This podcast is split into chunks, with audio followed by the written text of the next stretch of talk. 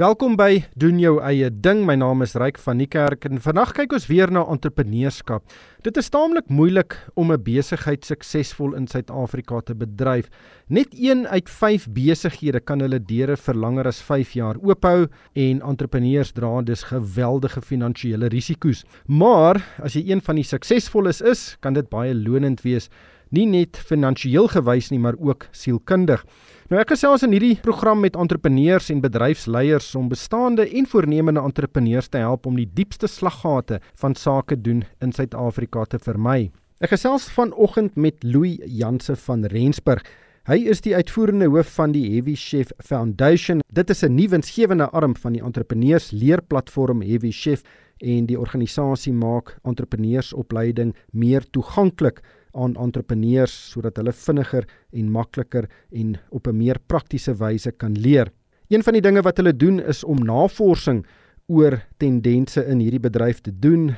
Die Chef Foundation het pas sy 6ste navorsingsverslag oor die leergewoontes van entrepreneurs gepubliseer en ons gaan vandag daaroor gesels. Louis, baie welkom by die program. Eerstens, waar kom die naam Heavy Chef vandaan? Uh, dis 'n baie interessante naam vir 'n navorsingsgroep.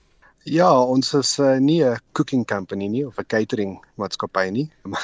die naam kom van die gesegde you never trust a skinny chef. Wat eintlik praat oor die hoofding wat 'n entrepreneur is, hulle hulle leer deur om te doen. Hulle vertrou mense wat eintlik die werk kan doen en nie net praat oor die werk nie. So dis waar die naam vandaan kom. Nou julle doen navorsing oor leergewoontes van entrepreneurs. Presies wat behels dit? Ja, ons vind die entrepreneurgemeenskap baie interessant ons dink dit is 'n baie diverse gemeenskap, maar ook ons weet ons is in 'n land en 'n omgewing waar die meeste mense of hulle daarvan hou of nie, geforseerd is of sal wees om hulle eie besigheid te begin eendag, veral die jeug. So ons wil kyk wat is die gewoontes wat entrepreneurs kan kweek om vir hulle self die beste geleentheid te gee om 'n besigheid te bou. So die Heavy Chef Foundation is 'n nuwe insgewende organisasie met 'n baie sterk navorsingsaanslag en ons het nou gekyk na die omgewing van entrepreneurskap en agtergekom die data en insigte rondom die leergewoontes van entrepreneurs is eintlik baie min. En ons wou net meer van 'n empiriese benadering gebring het om daai gemeenskap te verstaan en om te sien wat is die suksesgewoontes en sodoende dan alf 'n blueprint te kan skep vir toekomstige entrepreneurs oor hoe om hulle self die nodige kennis en uh, vaardighede te gee om hulle eie besighede te kan begin en groei. Maar baie mense gaan vir jou sê as jy wil leer, gaan studeer 'n uh, MBA of loop uh, entrepreneurskapskursusse of lees uh, bestuursboeke waarvan daar letterlik honderde beskikbaar is. Strek hierdie navorsing weier as dit? Ag baie weier. Kyk ons ons het 'n agnostiese benadering gevat deur hoe ons die entrepreneurs nagevors het. Ons studeer hulle al vir die laaste 4 tot 5 jaar En ons vra net vir hulle, waar is die plekke waar jy die meeste geleer het en wat is die tipe inligting wat die meeste waarde vir hulle gee?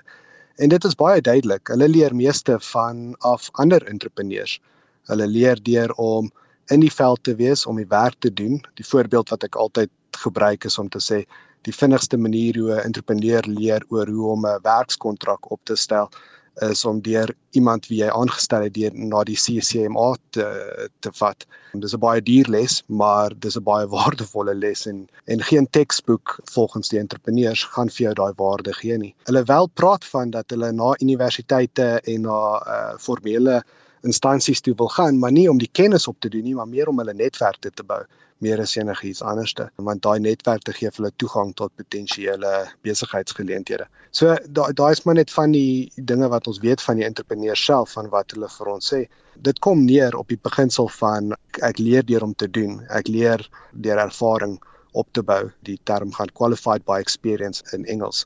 Maar dit kan 'n baie duur leerervaring wees want dan leer jy uit jou foute uit. Is die idee nie net om daardie foute te vermy nie en hulle vermy daai foute deur om in gesprekke te voer met ander entrepreneurs wat daai selfde foute al gemaak het. En dit is waar hulle meeste van hulle lesse gaan. En die navorsing wat ons gedoen het, as ons hulle vra, wat is die tipe uh, interaksies wat hulle met ander entrepreneurs wil hê, dan sê hulle meeste van hulle sê ideaal 1 tot 1 persoon tot persoon. So 'n koffiesessie hier, gespreksessie daar dit is waar hulle die meeste inligting kry en dan leer hulle van mekaar se foute en sodoende vermy hulle om hulle dieselfde foute te maak.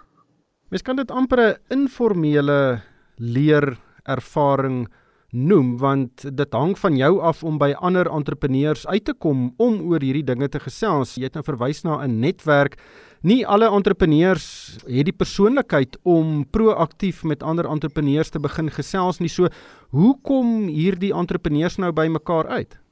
En daar het jy nou net die grootste probleem geïdentifiseer. Die meeste van geregistreerde besighede, maar selfs jou informele besighede, is mikro grootte besighede. Bedoelende, dis mense wat minder as 10 mense aanstel. Dit is waar die entrepreneur reg is die besigheid en Wat dit beteken is daai persoon is redelik geïsoleerd van ander entrepreneurs en daar's 'n behoefte om met soveel entrepreneurs as moontlik te ontmoet en gesprekke te voer, maar hulle vind nie genoeg van hierdie geleenthede nie. So hulle sal vir ons dinge sê soos hulle voel alleen. Hulle voel daar's nie mense om hulle wat hulle proses wat hulle volg of die wêreld waarin hulle is verstaan nie. Hulle noem van hulle soek geleenthede om met ander entrepreneurs te ontmoet en wanneer hulle daai geleenthede kry, dan belê hulle baie tyd in daai verhoudings.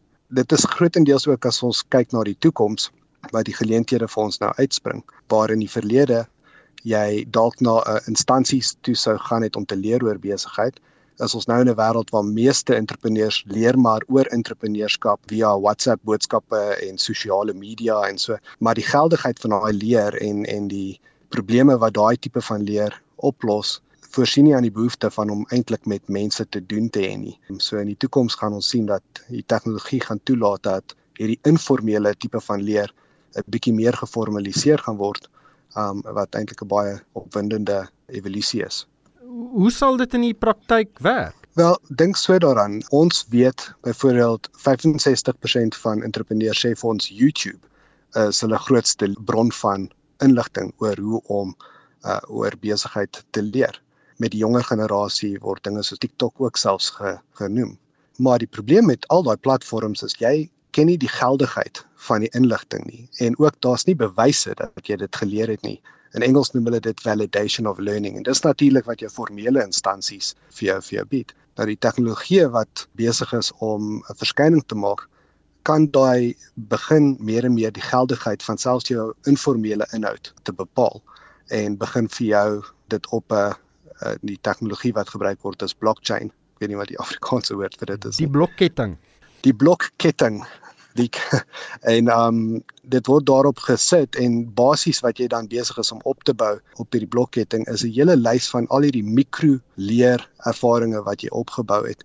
En jy kan dan daai inligting gebruik in die toekoms om net soos wat jy jou graad byvoorbeeld kan gebruik om toegang tot befondsing, toegang tot werksgeleenthede, toegang tot hulpbronne te kan gebruik, gaan jy daai blokket dan kan gebruik om daai selfde tipe van goederes te doen wat dit meer toeganklik maak vir entrepreneurs om bewyse van hulle kennis te kan wys aan instansies wat nodig het om daai bewyse te sien sodat hulle waarde of dienste aan die entrepreneurs kan kan bied as 'n voorbeeld. Maar baie entrepreneurs gaan sê, "O, jene nou begin julle praat van die blokketting. Baie mense verbind net die blokketting met kripto geldeenhede en ek het nie 'n rekenaargraad of 'n programmeringskwalifikasie nie. Hierdie gaan net oor my kop gaan." Hoe hoe toeganklik is daardie model hierdie sogenaamde web3 en die blokketting en die verifikasie of die onafhanklike verifikasie van die akkuraatheid van inligting.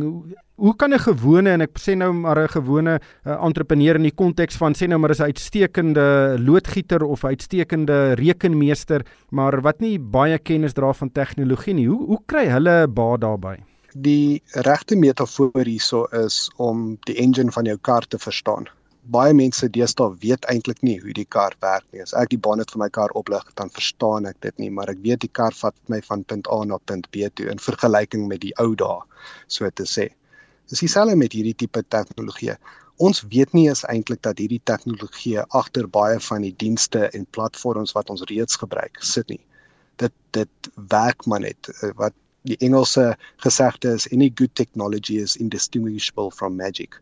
En wat baie van hierdie kettingtegnologie word al reeds gebruik deur van die rekenmeester sagteware wat in die jou cloud services soos um Zero en so gebruik word word alreeds deur baie van die banke gebruik en en dit gaan meer en meer gebruik word in jou opleidingsindustrie ook. So vanaf 'n entrepreneursoogpunt um, of 'n gebruikersoogpunt hoef ons nie regtig te verstaan hoe om die tegnologie te gebruik nie. Ons ons gaan net begin sien dat die platforms wat tot ons beskikking is baie meer gepas gaan word tot die dinge wat ons wil hê en ons gaan begin agterkom o, okay, hierdie goedjies is al reeds besig om te gebeur en nou is hierdie platform meer gebruikersvriendelik vir my want ek hoef nie te gaan na verskillende tipe ander instansies toe nie. So dit gaan maar net meer 'n organiese ding wees wat gaan gebeur. Terwyl ek dit sê, weet ek ook en ons het dit in ons navorsing gesien dat baie entrepreneurs is nie besig om te leer oor hoe om te programmeer nie, maar hulle leer oor datawetenskap, oor hoe om data te lees en te verstaan en hoe om data te analiseer. Want hulle kom agter dat daar's baie inligting wat tot hulle beskikking gaan kom en alreeds daar is maar hulle weet nog nie hoe om regtig waarde uit die inligting uit te trek nie. Vir ons is 'n indikasie van dat entrepreneurs in die toekoms kyk na jou datawetenskap tipe van vaardighede eerder as jou harde vaardighede van finansies en bemarking noodwendig dat hulle daarop uh, daarop gaan fokus. Louis, ons het nou oor presies hoe tegnies aangeleë jy moet wees om baat te vind uit die verskillende leerplatforms wat daar beskikbaar is maar jy die heeltyd gesels van in die toekoms. Dit gaan in die toekoms gebeur. Wat is die situasie nou en hoe lank gaan dit vat voor ons nou by hierdie toekoms uitkom? Ja, die eerlikheid is dat niemand regtig 'n eerlike antwoord kan gee oor wanneer dit is. Ons bly in 'n land waar daar baie paradokse is. In 'n sekere mate is die toekoms al reeds hier. As jy kyk na jou ChatGPT en jou Midjourney tipe van artificial intelligence tipe van platforms wat al reeds besig is om sy verskyning te maak in die hoofstroom.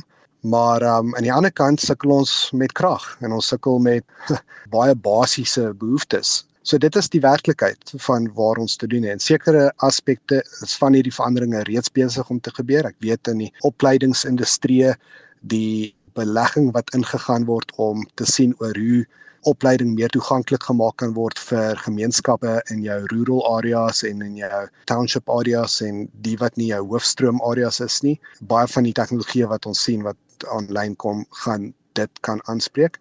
Maar aan die ander kant weet ons ook dat baie entrepreneurs kan nie eens um weet vanaf punt A tot punt B beweeg nie want die koste van petrol is net te hoog en, en of hulle kan nie 'n aanlyn klas inteken nie want hulle het daar's net nie internet nie of krag nie. Dit is die paradoks in die realiteit van hoe hierdie toekomstige tendense van toepassing is op ons.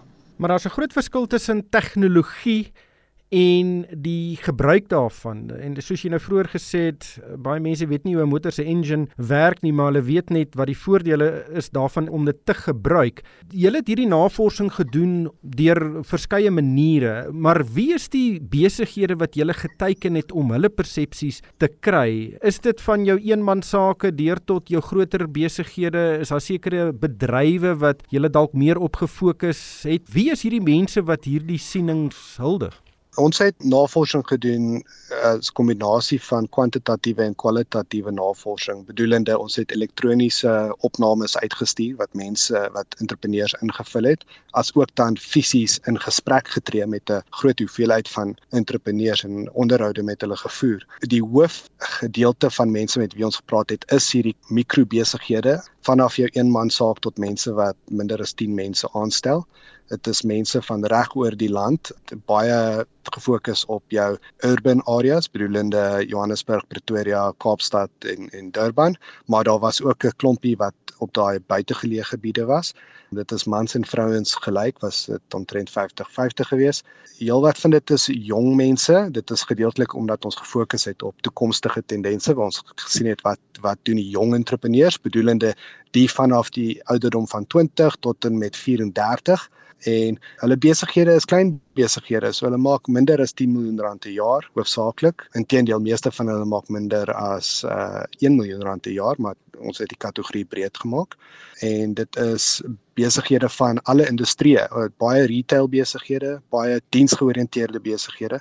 Maar ja so dit is 'n redelike diverse groepie maar, maar ek sal sê daai mikro grootte besighede waar die eienaar is die besigheid waar die eienaar as hy uit die besigheid vat ek sê altyd op 'n Vrydag of 'n Saterdag is die ergste tyd vir 'n entrepreneur van daai tipe besigheid want as hulle wegtreë van die besigheid af net 'n bietjie wil rus, dis wanneer die pop op die fans slaan.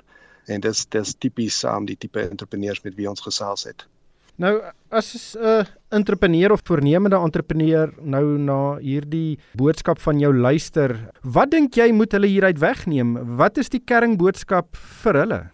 Die kernboodskap is dit dit gaan nooit eintlik verander nie entrepreneurs is baie korttermyn georiënteerd en hulle moet wees.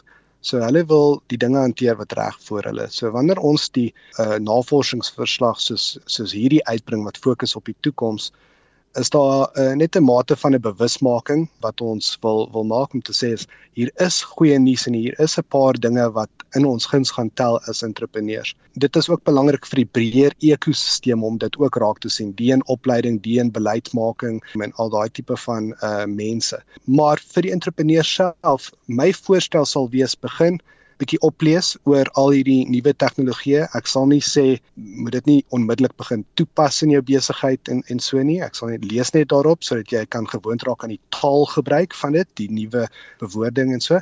En dan prakties sal ek ook sê begin dink aan die idee van data. Data bedoelende inligting wat jy insamel, inligting van jou kliënte, inligting van jou produkte, inligting van jou, jou finansiële inligting en nie wat om met dit te doen nie, maar hoe om dit te gebruik. Wat is die insigte, wat is die patrone, wat is die analise wat getrek kan word? Begin dink um, rondom jou die idee van data wetenskap want dit is die tipe vaardigheid wat in die toekoms jou nog baie gaan baie gaan baie gaan baat vind mee. Maar baie mense gaan vir jou vra watter data? Is dit uh, data wat jy deur 'n nuwe toepassing of 'n rekenaarprogram gaan kry of is dit data waartoe daardie persoon reeds toegang het maar net nie heeltemal self kan ontleed nie want dit is uh, te veel. My voorstel is kies net enige bron wat jy tans data van kry. So kom ons sê op die mees eenvoudigste basis jou database van e-posadresse wat die, wat jy dalk het begin daarso. Ek dink dit is die maklikste sonder om oorweldig te word deur dit als. En dan begin jy dink oor maar hoe kan ek hierdie inligting meer gebruik? Wat weet ek van my kliënte hoe ken ek hulle? Hoe kommunikeer ek met hulle? Daai kleiner sirkel van of kleiner poeltjies van data is gewoonlik die beste plek om mee te begin. Wanneer ek sê data, dit is eintlik maar net mense word 'n bietjie geïntimideer deur daai woord, maar dit is eintlik maar net inligting wat mense wil kry. En dan kan mens begin speel met soos maar watse maniere is daar vir my om daai data te verryk, daai inligting te verryk. Um, en ek dink daai is die kleinste en vinnigste manier om te begin en van daar af kan mense dit 'n bietjie meer uitbrei oor maar hoe kan my e-pos databasis praat met dit wat ek op sosiale media kan kry byvoorbeeld my Facebook bladsy. Ek sal sê begin net by 'n baie klein poeltjie van data wat aan jou kant is as 'n klein besigheid. Ja, ek dink ook mense kan kyk na verkoopspatrone, gaan kyk na hoeveel en hoe gereeld sommige van jou kliënte by jou koop, watter van jou kliënte dring meer aan op afslag, want dan kan jy dalk jou prysstrategie verander. So daar is ook baie inligting in jou finansiële boekhouding byvoorbeeld en met jou verkoopsproses wat as jy 'n bietjie tyd daarop spandeer, kan jy nogal baie leer. Dis ook maar deel daarvan. En maar dit is die punt dat data is oral om ons en ons het nie ons breinkapasiteit het nie die vermoë om dit alles in te lig en eh, te analiseer nie. Ons moet mense gebruik rondom ons wat kenners is op die gebied en ons moet jou tools gebruik wat ons kan help om sin te maak van dit af om al die dots te connect so te sê. 'n Voorbeeld van hierdie is in jou rekenmeesterveld waar jou platforms, jou rekenmeester platforms baie baie gesofistikeerd raak. Tools soos um, 'n Xero voorsien 'n 'n cloud accounting diens aan mense. Maar daai platform is al so gesofistikeerd dat hy baie van die werk al reeds vir jou doen en dat daai rekenmeesters die adviseurs meer begin adviserende rol vir jou begin speel eerder as om die doenwerk vir jou te doen. As jy wil sin maak uit jou finansiële data of verkoopspatrone byvoorbeeld, is daai rekenmeesters begin meer en meer daai tipe vaardighede bou om vir jou advies te gee oor hoe om sin te maak van die data en nie net en daai finansiële inligting en hoe om dit te gebruik binne jou besigheid en wat te besluit om te neem.